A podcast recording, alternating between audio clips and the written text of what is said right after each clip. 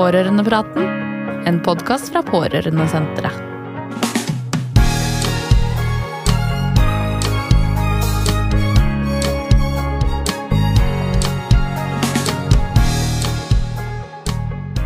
Å miste noen i selvmord krever en ekstra dimensjon av medfølelse og forståelse fra omgivelsene og nettverket.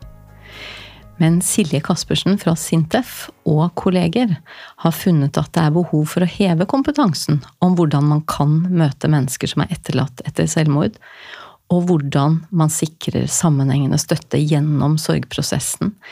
Og i studio i dag så har jeg henne med meg. Velkommen, Silje. Tusen takk for det. Først så har jeg jo lyst til å høre litt med deg om hva bakgrunnen var for å skrive akkurat denne rapporten. For at eh, jeg har jo vært i, liksom i, i, helsefeltet i noen år, og da har jeg jo sett at Sintef-navnet det dukker jo opp på veldig mye forskjellig. Så det er jo ikke et selvmordsforsknings... Eh, det er ikke en selvmordsforskningsinstitusjon. Men så har dere gjort dette prosjektet, eller denne, skrevet en rapport, mm -hmm. artikkel. Mm -hmm. Hva var bakgrunnen for det? Ja, som du sa, så jobber jeg i Sintef, og de fleste forbinder jo kanskje det med ingeniører og, og teknologiutvikling og den type ting, men så er vi en liten gjeng som driver med helsetjenesteforskning, og som har gjort det i ganske mange år. Eh, og der har vi et samarbeid med Folkehelseinstituttet, som har selvmordsforskere et forskningsrådsprosjekt som heter TreatPad, der vi skal se på forløp til, eh, forløpet til både de som tar livet sitt, men også de etterlatte i helsetjenestene. Så vi har rett og slett et forskningsrådsprosjekt der vi eh, skal studere sammenhengene eh, med helsetjenestebruk og det å være i risiko for selvmord eller eh, være etterlatt. Og i den forbindelse så eh, hadde vi lyst vi, vi, som helsetjenesteforskere har, som du sier, vi er ny på selvmordsfeltet som sådan, men jeg har jobba med helsetjenesteforskning i mange år. Eh, og vi hadde lyst til å se på hvordan omtales eh, eh, helsetjenestebruken i litteraturen til de som er etterlatt etter selvmord. Så det var utgangspunktet vårt. Og da gikk vi bredt ut. Vi gjorde ikke det som heter systematisk kunnskapsoppsummering, der du skal vurdere kvalitet og den type ting, men vi åpna på en måte en veldig bred trakt. Og så skal vi se på hva er det som er skrevet om helsetjenestebruk eh, for de som er etterlatt etter selvmord. Og ganske fort, man gjør jo gjerne noen sånne det vi kaller for preliminære søk, noen sånne testsøk i begynnelsen, og vi så jo ganske fort at det kom opp mye på peer support på engelsk, da, altså sånn likepersonsarbeid, støttegruppe og sorggruppe. Så mens vi i utgangspunktet hadde tenkt å konsentrere oss bare om om helsetjenestene, så så vi at det ble nesten meningsløst. For at det eh, likepersonsarbeid og støttegruppen og sorggruppen er en så viktig del av det for eh, de etterlatte etter selvmord spesielt. Da. Sånn at vi tok med begge delene. Så det vi har gjort, er å lage et veldig bred kunnskapsoppsummering på det her, på den litteraturen som er publisert fra 2010 og fram til mars 2022. da. Ja, og det er jo altså Det kunne jo vært tema holdt jeg på å si, for en podkast i seg selv. Altså å se på, på både sammenhenger, forskjeller Altså hva er det folk eh, har mest utbytte av? Mm. Eh, men vi rekker å snakke litt om det i, i dag òg. Mm. Men først så tenkte jeg bare skulle si at eh, bare ha noen sånn at de som hører på nå Noen er kanskje godt kjent med, med feltet, mm. eh, mens noen er det kanskje ikke. Eh, men eh, det anslås vel at det er nå i overkant av 600 eh, mennesker i året mm. som tar sitt eget liv. Og hvis du skal anslå på en måte hvor, hvor mange er det som da sånn er, er, Du vil kalle liksom etterlatte etter mm. ett menneske?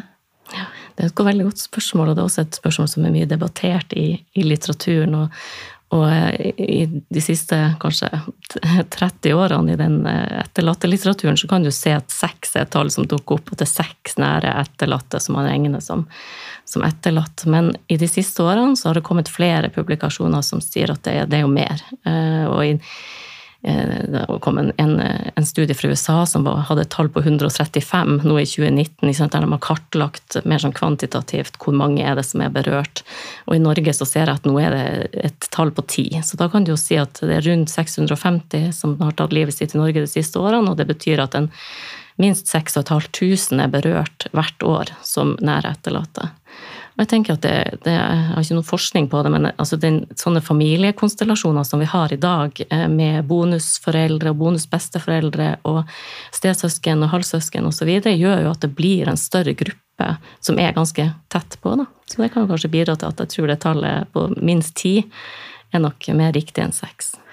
Ja, det syns jeg høres ganske logisk ut. Og, så vil jeg jo tenke at hvis vi tenker litt sånn litt videre forstand, ikke bare liksom aller nærmeste òg, mm. så vil jo Altså hvis det er en, en ungdom, for eksempel, da, som tar sitt eget liv, så vil jo hele den skoleklassen mm. Vil jo være veldig berørt og vil jo sannsynligvis bære med seg den erfaringen måtte, hele livet, da. Mm. Men altså, kanskje ikke liksom i samme grad da, som, eh, som familie, men allikevel. Jeg tror du har helt rett i det, og jeg tror det, det finnes også studier som peker på det at nære venner f.eks. kan føle seg litt tilsidesatt. Det kan hende at de hadde vel så god relasjon eller nær og tett relasjon til den som er død, eh, som familien. Eh, og at det ikke er det. Det er jo kanskje til en viss grad, det skal vi snakke mer om, et system for å fange opp de nærmeste, men, men hva med vennene eh, rundt og sånn? Så der tror jeg fortsatt det er en jobb å gjøre, altså. Og ja, kolleger. Og, og kolleger, ja. ikke sant. Sånn, så det, mm. Men en annen ting som jeg også tenkte at, at det var greit at vi brukte litt tid på, det er jo eh, Altså, når noen dør på en måte uavhengig av årsak, så, så vil det jo ofte medføre sorg. Mm. Altså, det er jo en tapsopplevelse og et sorg hos, hos, de etterlatte. Men kan du si noe om liksom, hva, hva er de største forskjellene på eh, det går jo ikke an å kalles sorg for holdt på til vanlig sorg, men hvis vi tenker mm. at noen dør et, i en ulykke mm. eller av sykdom, hvordan skiller sorgen til de som mister noen i selvmord, seg fra liksom, annen sorg? Mm, og det gjør det jo. Sånn at eh, det er et godt spørsmål. Og flere studier skiller jo mellom nettopp etterlatte etter selvmord, etterlatte etter annen brå død, og andre eh, etterlatte, kan du si, etter forventa død, kan vi kanskje kalle det. Og så ser man jo det at det er, det er, noe spesielt. Det er noen ekstra sorgdimensjoner for de som er etterlatt ved selvmord, ved at de i større grad opplever avvisning fra folk rundt, eh, kanskje også fra tjenestene. Selvfølgelig dette med stigma, eh, som heldigvis kanskje begynner å brytes litt ned i Norge nå, i alle fall, men, eh, men som fortsatt er der knytta til selvmord. Eh, skam. Eh, burde man ha gjort noe mer? er jo det 10 000 kroner-spørsmålet nesten alle etterlatte synes å stille seg, ikke sant? som er jo helt naturlig at de gjør. Eh, og ja, så det, så det, er jo de tingene der, at man tar på seg en sånn ja, skyld og skam, og opplever kanskje at andre har vanskeligere for å komme bort og snakke med dem og bry seg om dem etter selvmordet. Fordi at Eh, jeg husker når jeg begynte å forske på selvmord, som, som jeg sa, så er jeg jo ganske ny i det her. Det er vondt å ta ordet i sin munn, nesten, når du ikke er vant til å snakke med det. Og nå har jeg snakket, eh, eller si det ordet, da. Og nå har jeg jobba med det noen år, og du er jo som psykiater sikkert vant til å bruke det, og, da blir vi litt sånn, vi blir vant til å bruke det ordet, og det er lett å glemme hvor For noen så sitter langt inne bare å si ordet. Uh, jeg husker jeg hadde en indisk nabo, og det er jo det med kulturelle altså Selvmord er jo fortsatt forbudt i rundt 20 land i verden, tror jeg. Det var forbudt i Norge fram til 1902. Eh, og det, jo, det at det har vært, en, vært forbudt i mange land, handler jo, det handler nok noe av det stigmaet som fortsatt er der om at det har vært noe du ikke skulle gjøre. Du, straffen var jo at du ikke ble begravd i vigsla jord og den type ting også i Norge. Så det, så det, er jo en, eh, en, skam der, og det er vanskelig å si ordet. Det var det jeg skulle tilbake til han naboen, for det, når han spurte hva, hva du forsker på, så sa jeg akkurat nå så er det selvmord og, og forskning på etterlatte etter selvmord. Og han fikk nesten en fysisk reaksjon sant, av å høre ordet, bare. Sånn at, eh, og det tror jeg kanskje er lett for oss som holder på med det i det daglige, da, eh, å glemme. At det er, det er ikke noe rart at det er vanskelig å snakke om det for folk som ikke snakker om det til vanlig. Det syns jeg var en veldig god påminnelse. Fordi at eh, Jeg, tror- ja, jeg tror du har veldig rett, og jeg, og jeg kan merke det at når jeg, Det er jo en ting som jeg har snakka mye om i årenes løp. Så, så jeg, jeg tror nok at jeg er en av de som av og til kan liksom glemme det, og jeg at nei, det, det er ikke vanskelig å snakke om lenger. Det var det i gamle dager, men ikke nå. Men jeg tror du har veldig rett. At hvis man jobber i et helt annet type miljø, ikke innenfor helse, ikke innenfor psykisk helse, så er det fremdeles eh, ganske vanskelig å, å si det. Og, og jeg kan jo av og til reagere litt eh, på hvordan folk snakker om det, fordi at eh, jeg kan jo av og til se at det står skrevet eksempel 'han valgte å ta sitt eget liv', og så tenker jeg nei, det er vel ikke så sikkert at det var et valg. Eh, Det kan vel snarere være mangelen på valgmuligheter som gjør at man kommer til den situasjonen. sånn. Men, men eh, vi må kanskje være litt sånn overbærende med, med folk, for de forsøker å uttrykke Altså de forsøker å finne en måte å uttrykke det på som eh, Ja, og det er ikke så lett. Nei, det er ikke det. Og jeg har virkelig prøvd å være bevisst. Jeg har gått i den fella sjøl. At du bruker noen ord som ikke lenger skal brukes for de som vet, som kjenner selvmordsfeltet godt. Så det er noe jeg prøver å være oppmerksom på, for ord er jo viktig. på en måte. Ja, ord er jo på en måte den måten vi kan uttrykke verdiene våre på. Da. Så hvis vi liksom ønsker å være respektfulle og empatiske og sånn, så, så må jo språket stå litt i stil. Mm. Men, eh, men jeg tenker, jeg en ting som jeg bare har lyst til å spørre om. For nå, nå sa jo du noen av de tingene som gjør at, at uh, sorgen er annerledes. Og vet du, da du sa avvisning, eh, så tenkte jeg avvisning fra den som var død. Oh, ja. Det var liksom min første tanke. Og så sa du avvisning fra omgivelsene.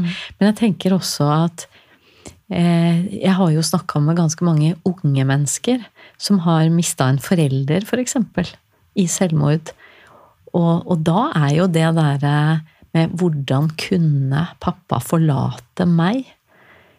Så er jo det Så det, det kan jo faktisk oppleves eh, som en avvisning fra den som er død òg for de som sitter igjen. Jeg, det, var ikke, det var ikke verdt å holde seg i live for min skyld. Og det må jo også komplisere sorgen ganske mye. Absolutt. Og det er komplisert sorg er jo et stikkord her. Det som nå vel heter forlenga sorgforstyrrelse eller noe sånt. Eh, eh, Det er jo nettopp det eh, som flere etterlatte ved selvmord opplever kontra andre etterlatte, ved, i alle fall ved forventa død, men også i høyere grad enn de som opplever brå, blir etterlatt etter brå død. Så er det nettopp at de, sorgprosessen er mer komplisert og gjerne lenger. Eh, også i selvransakelsens lys, jeg leste, leste jo artikkelen min vår på nytt nå når jeg skulle hit, og sånn, så, så det her med sorgfaser, der har man jo endra litt på sant? Vi, vi snakker gjerne om faser. Jeg er vant til å tenke sånn forløp i helsetjenesten kanskje som en fase, mens det er jo sånn for for de etterlatte, og kanskje særlig de etterlatte ved selvmord, at man går inn og ut. Det er liksom ikke en kronologisk rekkefølge i den sorgen. Og det eh, tror jeg også kan være nyttig for etterlatte å være bevisst på. Sant? At det er jo helt i orden å nesten en, få en krise igjen etter fem til ti år etterpå. Det er det jo noen som gjør hvis de ikke får bearbeida ting. Det er ikke sånn at den sorgen kommer til å skje i noen kronologisk rekkefølge. Den kommer jo mest sannsynlig noe kommer til å være der hele livet. Så, så det med det, det, det, er viktig å, å, å vite om, tenker jeg, for de som blir etterlatt. Ja, og også, også det at eh, altså hvis, man, så, hvis man er ungdom, da, barn eller ungdom, da, og det er en forelder som tar sitt eget liv, så vil det jo også være sånn at den sorgen kan jo veldig liksom, tenker jeg, komme til overflata igjen, f.eks. hvis man sjøl skal mm. gifte seg. Og så blir man liksom påminna om at nei, jeg har ingen far lenger som mm. kan Nå er jo det en litt sånn gammeldags tradisjon å følge opp kirkegulvet, men du skjønner hva jeg mener? Altså, mm. og, og, og, kanskje når man får barn sjøl, at eh, mine barn får ikke en, en, bestefar fordi at han er død. Mm. Og, så, og, så, kommer det liksom opp i, i bølger, da. Mm. Og det er litt viktig for helsetjenestene å være bevisst på òg. Vi, vi, var ute etter å Først der når vi begynte det søket vårt, så ville vi se på hva, hva, er, på en måte, hva er det som gjøres faktisk i helsetjenestene for disse som blir etterlatt. Eh, og, og, så er det ikke noe, ofte ikke noe godt system for at de er, de er ikke proaktive nok. Og så går det kanskje litt tid, eh, og så syns kanskje de etterlatte sjøl at alle andre forventer at de skulle ha kommet lenger. Eh, og så er det nesten skambelagt å ta kontakt med helsetjenestene for at nei, det er jo så lenge siden. Og det kan jo være en holdning som helsetjenestene òg har noen forventninger om. Ja. Sånn at eh, det der er, er, viktig å ha et langsiktig perspektiv på det, rett og slett, for at de sorgfasene kommer og går i noen parallelle løp. Mm. Men da dere gjorde den eh, kartleggingen som du nevnte innledningsvis, Eh, og, vi skal ikke gå sånn veldig sånn inn i, i metode, metodekapitlet her. Men, eh, men, dere gikk jo da gjennom en hel haug med artikler og ting som er skrevet. Og hvis du skal liksom trekke ut noe av liksom det, det, dere fant, da. Mm. Og, og, for alle de som ikke er så mye kjent med forskning, så er jo dette her Det er jo et møysommelig arbeid. Eh, man samler, og så samler man, og så analyserer man og analyserer mm. og analyserer, og mange, mange trinn og prosesser og sånn. Og så sitter dere jo da igjen med liksom noen sånn hovedoverskrifter eller, mm. eller funn, og hva liksom, hva var det dere fant? Ja, um, vi starta jo som du sier med mye. Vi hadde 3006 tror jeg, artikler i starten, og så snevra det seg inn til 63 som vi valgte å inkludere, da, som handler om helsetjenestebruk eller supportgruppe og sånn. Um, og det vi finner, er jo ganske mye på erfaringer som de etterlatte har. Jeg tror over 60% av de der 63 studiene var kvalitative studier eller sånn blanda mixed method, som det heter på engelsk. Eh, som, eh, som, handler mye om hvilke erfaringer de etterlatte har med, med møte med helsetjenestene, eller møte med, med eh, støttegrupper og sånn. Og det vet man ganske mye om. Jeg kan, jeg kan jo bare skyte inn for de som er liksom helt ukjent med forskning, så er eh, kvalitativ forskning Det går jo ut på at man snakker med folk mm. og skriver ned det de sier, og så tar man utgangspunkt i, i det materialet mm. når man gjør de analysene. Mens kvantitativ forskning er jo mer at man teller, mm. og da kommer ikke erfaringene fram. Så det er sikkert, altså De fleste av dere som hører på nå, veit sikkert dette, men, men, i tilfelle det er noen som ikke veit det, da, så tenkte jeg bare sånn skyte inn at, at kvalitativ er jo mye intervjuer, mm. eller at folk skriver fyller ut tekstfelt og sånn. Mm. Ja. Så kan du få lov å fortsette. Ja, Da fikk jeg lyst til å ta en avsporing til. Ja. egentlig, for Vi har noen utrolig gode kvalitative forskere i Norge. Så det er skrevet mye godt også på norsk av Kari Dyregrov og eh, Gudrun Driserud og Hedi Elmeland og flere andre. Det, som, og de er, litt, de er, litt, lettere tilgjengelige, de artiklene på, som er kvalitative og gjort basert på intervju, og de har med sitater som jeg tror folk kan kjenne seg igjen i. Så når jeg satt eh, satt, eh, dro på vei hit til denne podkasten, så tenkte jeg at kanskje altså det å, å spre den forskninga der altså Etterlatte som kanskje Noen har jo vanskelig for å oppsøke helsetjenester òg.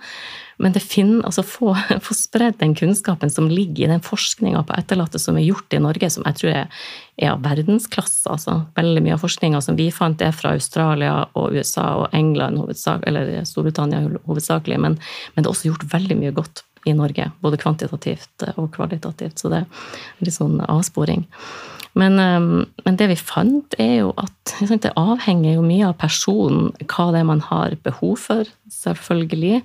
Det avhenger eh, mye av hvilket støtteapparat man har rundt seg, i forhold til hva man trenger av hjelp fra helsetjenestene. Ehm, mange, eh, en annen ting er jo at det er veldig mye kvinnestemmer i forskninga og det kan være et problem, for det, det, er ikke, det er på en måte ja, det er flere kvinner som blir etterlatt fordi det er en overvekt av menn som tar livet sitt, men det er også flere kvinner som melder seg til forskning. Så vi mangler litt både barnestemmene og vi mangler mannsstemmene i det her. Det, det er jo sånn, et aspekt ved det. Eh, og det er mange som opplever at de ikke blir møtt på en god nok måte, også i Norge. Som opplever altså Hvis vi skal tenke som et forløp, så er det jo en krisesituasjon der først, og politi Dette er jo en, en, måte å dø på som gjør at politiet ofte kommer. Og da det, har politiet et ansvar for å ha kunnskap om eh, hvordan man behandler etterlatte ved selvmord. For de kan veld, spille en veldig viktig rolle for hvordan etterlatteforløpet blir, på et vis. da. Um, det, det, er det flere, både kvalitative studier og i, i en spørreundersøkelse vi sjøl har gjort, så kommer det fram at det kanskje, kanskje, var det en politi som ble noe av det viktigste holdepunktet. Kriseteam i kommunen er jo et annet sånt um, ja, et team som, som, ofte rykker ut. Og de har òg et veldig stort ansvar for å koble på resten av eh, kommunehelsetjeneste eller fastlege, selvfølgelig, hvis de etterlatte vil det. For det er jo også et aspekt ved det her. At ja, vi ser at det er eh, for eh, lite proaktivitet på en måte i, i tjenestene. Man, man, må, må sjøl ta, eh, ta, ansvar for å kontakte tjenestene og sånn. Og sånn må det til en viss grad være på grunn, det, av eh, eh, taushetsplikt og samtykke og den. Det skal, du skal jo ikke, ikke, eh, kjøre over folk heller med tjenester hvis de ikke trenger det. Men problemet er at veldig mange etterlatte er i en sånn sjokk- og traumesituasjon at de vet jo ikke hva de trenger. De vet jo ikke opp ned på seg sjøl der og da. Eh, og så er det kanskje ganske intensivt og bra med tjenester de første 14 dagene, og så begynner det å slippe. Og det ser man nå i forskninga, at det er jo etter noen måneder kanskje at eh, det virkelig er behov for tjenester. Og da har det allerede gått masse tid. Og hvis man da ikke har hatt noen faste avtaler med fastlegen, og fastlegen er jo kjempeviktig for, eh, for å skape en kontinuitet i det forløpet etter, etter selvmordet for de etterlatte. Eh, og hvis ikke den er på en måte å sette opp noen avtaler, eller man kanskje ikke ønsker det Det er veldig vanskelig, det der, for fastlegene er jo avhengig av at folk kommer. Eh, men, men, eh, og, det så vi jo også. Nå er det mest forskning fra utlandet på det. da, At det er en del fastleger som ikke føler at de har kompetanse på det å møte de etterlatte på en god nok måte. Kanskje hvis det er barn som har tatt livet av seg, så har man kanskje hatt samme fastlegen. Eh, kanskje har foreldrene ikke vært fornøyd med jobben helsevesenet har gjort. Og det er jo noe som skaper en eh, eh, vanskelig situasjon, for at de har kanskje ikke tillit til de tjenestene som nå skal ivareta dem som etterlatt. Så det, ja, det, det fant vi flere studier som viser. Ja. Ellers så er det jo sånn at det er jo rundt eh, I Norge så er det en, en artikkel av Dyregrov som viser at 70-80 eh, av etterlatte trenger, sier at de trenger noen form for profesjonell oppfølging etter, eh, etter selvmord. Det er sett studier fra utlandet på opp mot 90% som sier at de trenger hjelp. Så det er jo helt klart at de aller, aller fleste trenger hjelp, og så er det noen som, som klarer seg sjøl. Ja, og det vil jo sikkert avhenge litt av liksom, hva slags nettverk man mm. har rundt seg. og, og noen ganger så kan man jo oppleve at et eh, selvmord oppleves eh, veldig uventa mm. For omgivelsene. Mens mm. andre ganger så kan det jo ha vært Altså det vil jo alltid være uventa, men det kan jo også være at det har vært At vedkommende har hatt det vanskelig over lang tid. Mm. Eh, sånn at, at, man ikke kanskje Det kommer likevel uventa, men at man ikke blir like overraska. Mm. Men det kan også bety at man har levd med belastninger over lang tid, og så skjer det et selvmord, og så må man måtte håndtere alt som har skjedd kanskje i lang tid. Altså det, så det vil mye sånne omkringliggende faktorer vil jo helt sikkert spille veldig inn på. Det er jo ikke sånn at et selvmord oppstår i et vakuum. Nei. Nei, og der, jeg, husker, jeg, tror jeg glemte å si lettelse er jo en, en følelse som en del pårørende kan oppleve, og som er veldig vanskelig å føles på, selvfølgelig. Eh, hvis det har vært veldig tunge år i forkant av det selvmordet, og så, så er noe, en av følelsene man føler, er kanskje lettelse. Og det er jo noe som kan skille de på etterlatte ved selvmord fra andre typer etterlatt. Heter. Mm. Ja, og da vil man jo gjerne få en del eh, andre følelser knytta til den lettelsen, som mm. dårlig samvittighet, mm. Som skyldfølelse fordi man føler ja, ja. lettelse, og fordi at man burde, man burde jo ikke være letta fordi noen er død, men så er man det likevel, og da blir det sånn er jeg et dårlig menneske fordi jeg føler det? Så det, så det blir veldig mye sånn Det kan jo til og med være forventninger fra andre om at ja, du er kanskje lett, det var kanskje like greit, ikke sant? Og så føler du overhodet ikke på noe lettelse. Så det er jo et overtrapp på et vis andre veien. Ja, i det hele tatt det å fortelle folk mm -hmm. hva de burde føle, ja. eller sånn, det er kanskje ikke så Ikke noen god idé, men heller være eh, nysgjerrig og mm. si at det er vanskelig for meg å vite hvordan du føler det nå. Ja. Men jeg tåler å høre om det. Mm. Uansett hva det måtte være. Ja. Eh, men, eh, men fikk dere Fikk dere også tak i eh, noen gode eksempler? Altså på, på, tilbud fra helsetjenesten eller som du sa, støtte på andre måter som liksom hadde vært til hjelp? Absolutt. Eh, og i eh, det er noe som heter Jeg vet ikke om vi har et godt ord for det på norsk, men det heter postvention på engelsk, som er spesielle tilbud som er skreddersydd for etterlatte ved selvmord. Eh, der er det Det kan finnes veldig gode tjenester, og det, det, det, jeg er sikker på det finnes kommuner i Norge også som er skikkelig gode på å å ha en systematikk rundt hvordan de jobber med å følge opp de etterlatte og sørge for det. å sørge for en slags tiltakskjede hvis man ønsker det, og sørge for at det er noen rom for å spørre går det bra nå, hvordan går det nå, da. Eh, med, jevne, med jevne mellomrom, fordi at vi vet at det endrer seg så mye hvordan man faktisk har det, og kan eh, ja, eh, Og man vet ikke helt sitt eget behov fram i tid, da. Så, så det er, og sorggruppe er det jo veldig mange som er fornøyd med. I, i litteraturen òg er det beskrevet at det er veldig viktig for mange. Eh, men da må det også være eh, bra kompetanse på dem som leder de gruppene.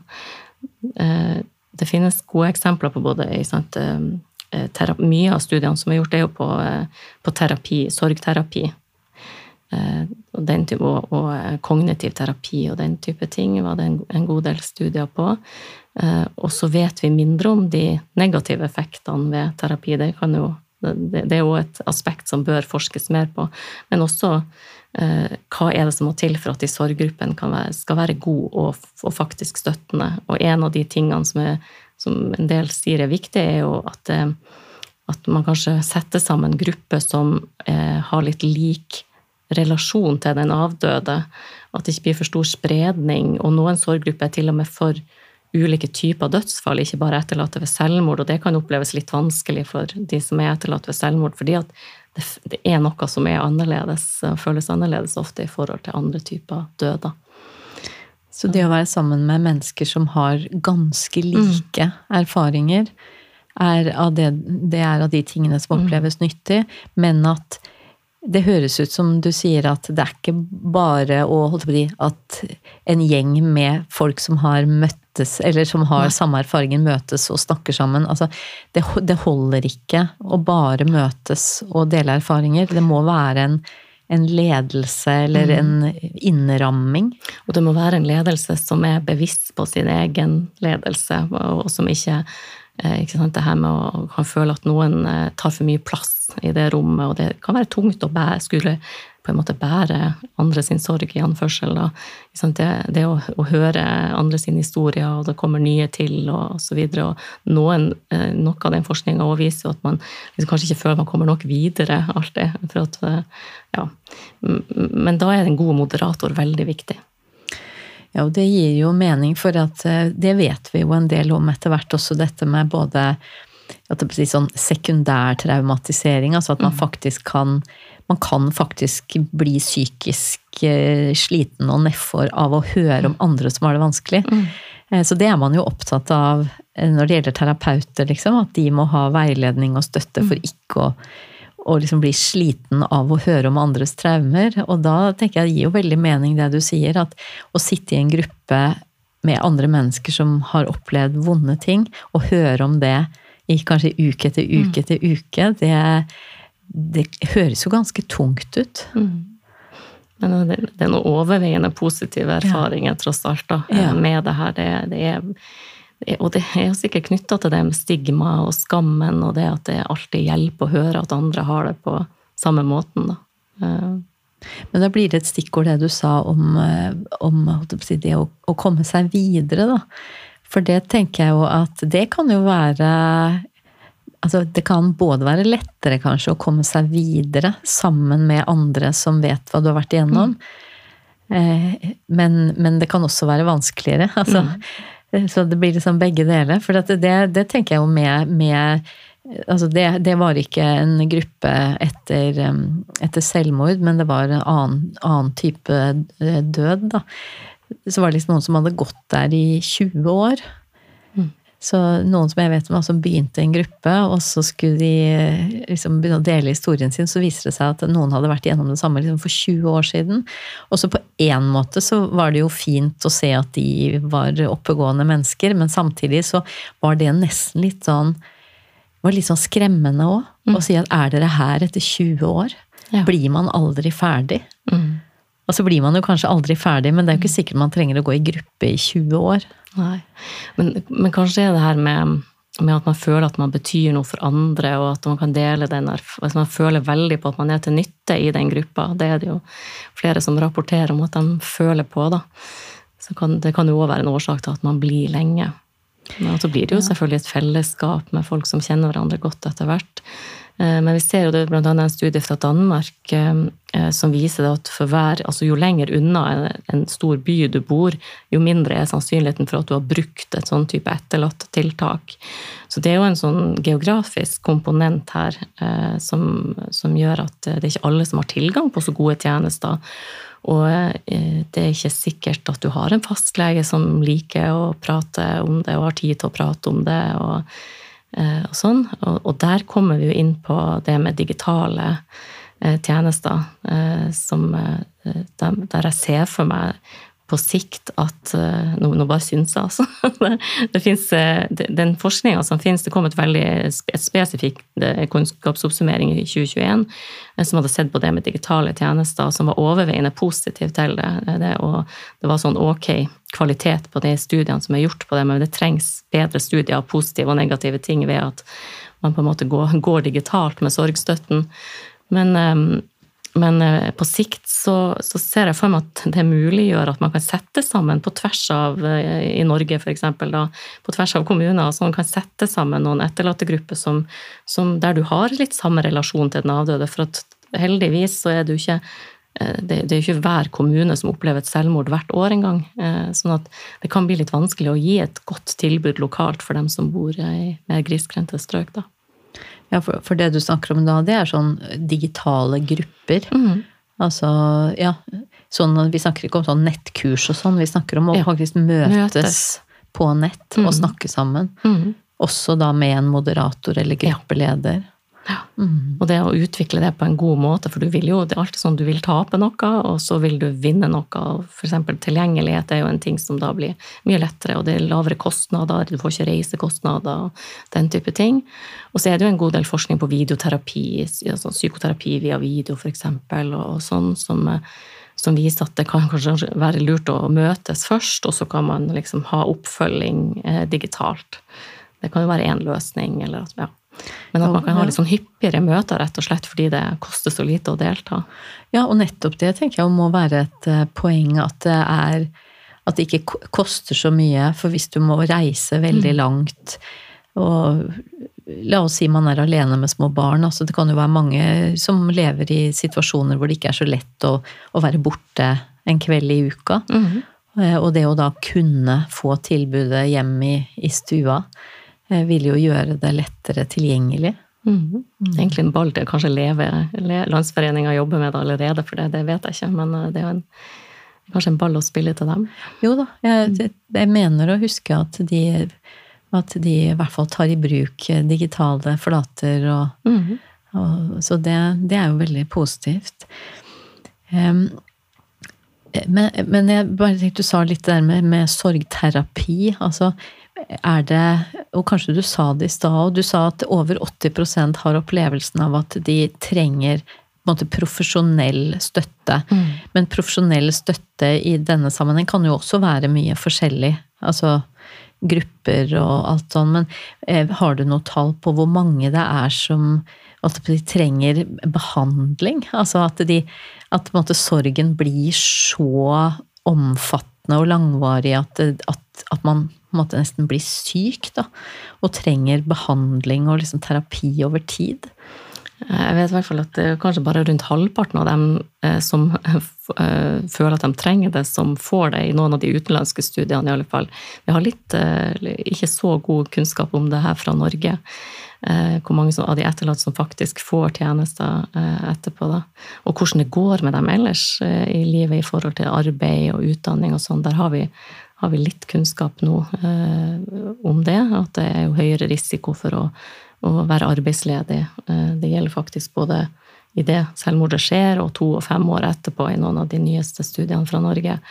Eh, og særlig hvis du mister mor. Eh, men, men akkurat tallet på hvor mange som trenger terapi, det husker jeg ikke hvis jeg har sett det. men, men det er i alle fall flere enn blant etterlatte ved annen død. Og så har vi jo et godt det, det her Nasjonalt senter for selvmordsforebygging eh, og forskning eh, har jo kurs eh, i forlenga sorgterapi nå, som tilbys. Sånn at det er mulighet for folk som jobber i tjenestene i Norge, til å utdanne seg innafor det. da. Ja, for ut ifra det du har fortalt eh, så langt, så, så, virker det jo som det er noe som mangler. Altså det er ikke, mm. det er ikke bra nok enda etterlatte etter eh, selvmord får ikke eh, måte, god nok oppfølging. Lang nok oppfølging. Er det en sånn rimelig ja, konklusjon å si? Ja. Jeg, for jeg, jeg, sa jo til at jeg hadde med noen sitater, for ja. vi gjorde en spørreundersøkelse for et par år siden. Eh, som vi sendte ut til etterlatte via Leve. Da. Mm. Eh, så jeg tenker hvis jeg kan lese opp eh, noe av det som kom, anonymiserte, da. Men det var 77 etterlatte som svarte oss i den surveyen. da. Så blant annet ei mor som mista barnet sitt i selvmord, som skriver at hjelpeapparatet har for vår del vært fraværende de første månedene. Jeg måtte etter to måneder etterlyse krisetime selv. Vi hadde da ikke hørt noe fra dem. Jeg var hos legen min, snakka litt med han, hadde en samtale over telefon med ei fra politiet. Jeg kontakta kommunen på mail, men jeg fikk ikke noe svar på den, så jeg ringte sjøl. Og da fikk vi et møte med psykologer. Og min sønn og faren har etter det valgt å ta imot hjelp fra DPS, og jeg har hatt noen samtaler med presten som holdt begravelsen. Søstera hennes har fremdeles ikke tatt imot hjelp. Så det er noen sånne historier. Ikke sant? selv ikke kriseteamet i kommunen har, eh, har eh, rykka ut sånn som de skal, da.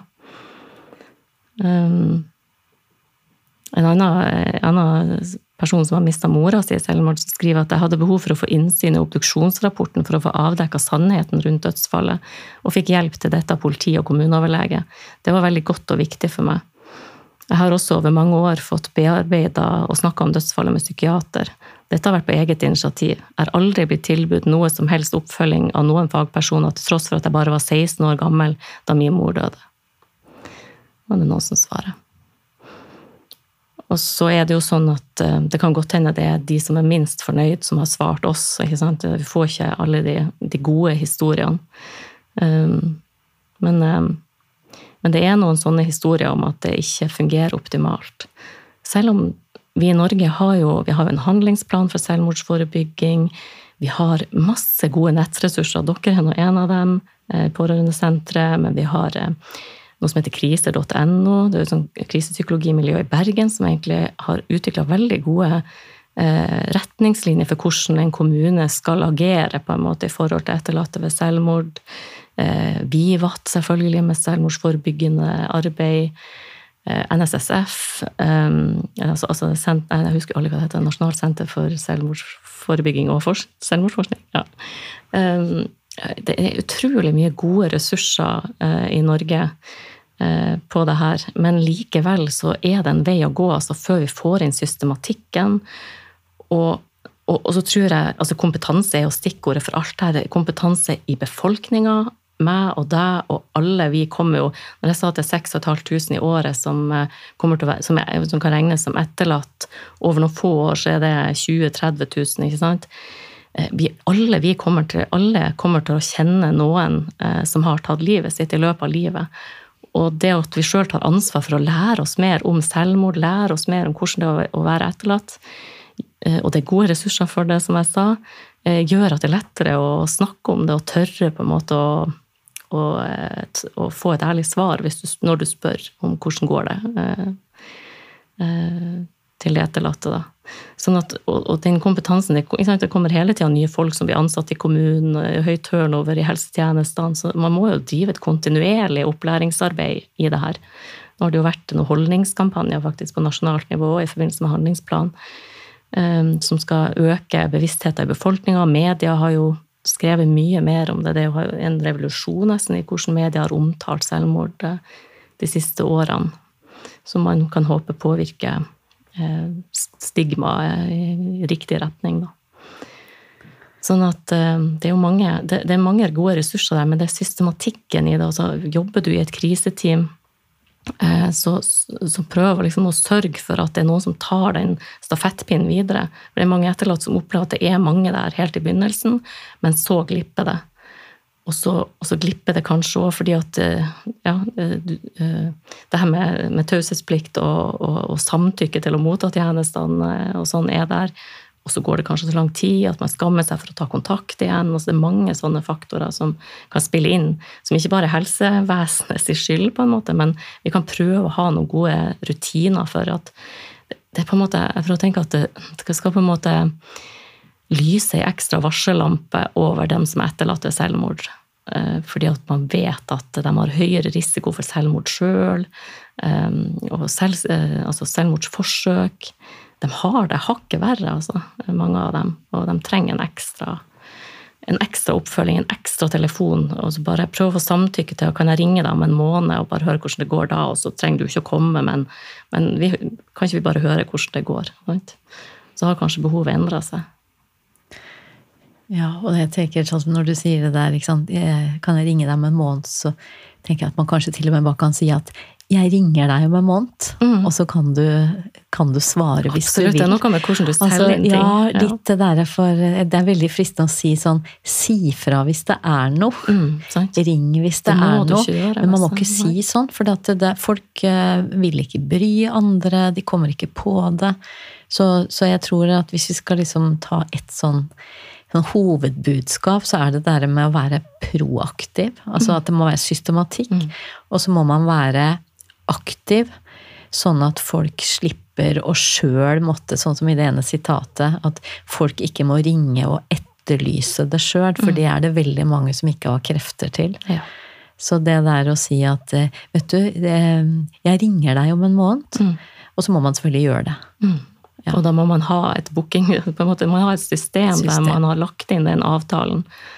Uh, og det trenger ikke å være så mye mer enn det. Det er ikke sikkert det blir så tidkrevende, men det kan ha enorm betydning for den etterlatte at det var noen som ringte. Og kanskje er det ikke behov for så mye mer, men bare at noen, du vet at det er noen som kommer til å holde i deg, på en måte. hvis det ja, og helt avslutningsvis så skal jeg gi et sånn eh, tips til alle. Altså alle som kjenner noen som har, har mista noen i selvmord, de kan legge inn bursdagen til den som er død, i kalenderen sin. For det er veldig enkelt nå, med smarttelefoner og alt sånn. Og så kan man passe på at den dagen så kan man sende en, i hvert fall en melding til den som er etterlatt, og si det at 'tenker spesielt på deg i dag', for i dag så ville den og den ha hatt bursdag. Et godt tips. For, eh, for, det der, altså det er ikke sånn at folk blir mer lei seg av at man snakker om den som er død, eller det som har skjedd. Det er snarere sånn at hvis man tør å snakke om det, så gir man en åpning for at vi, det, det, som har skjedd, har skjedd, men vi kan i hvert fall være sammen i det. Mm. Og tusen takk til deg, Silje Caspersen, for at du var sammen med meg her i studio i dag og snakka om et utrolig viktig tema. Tusen takk for at jeg fikk komme. Du har hørt Pårørendepraten, en podkast fra Pårørendesenteret. Du finner flere episoder og ressurser på hjemmesidene våre pårørendesenteret.no, pårørendeprogrammet.no og ungepårørende.no. Podkasten finner du også på de fleste steder der du lytter til podkaster.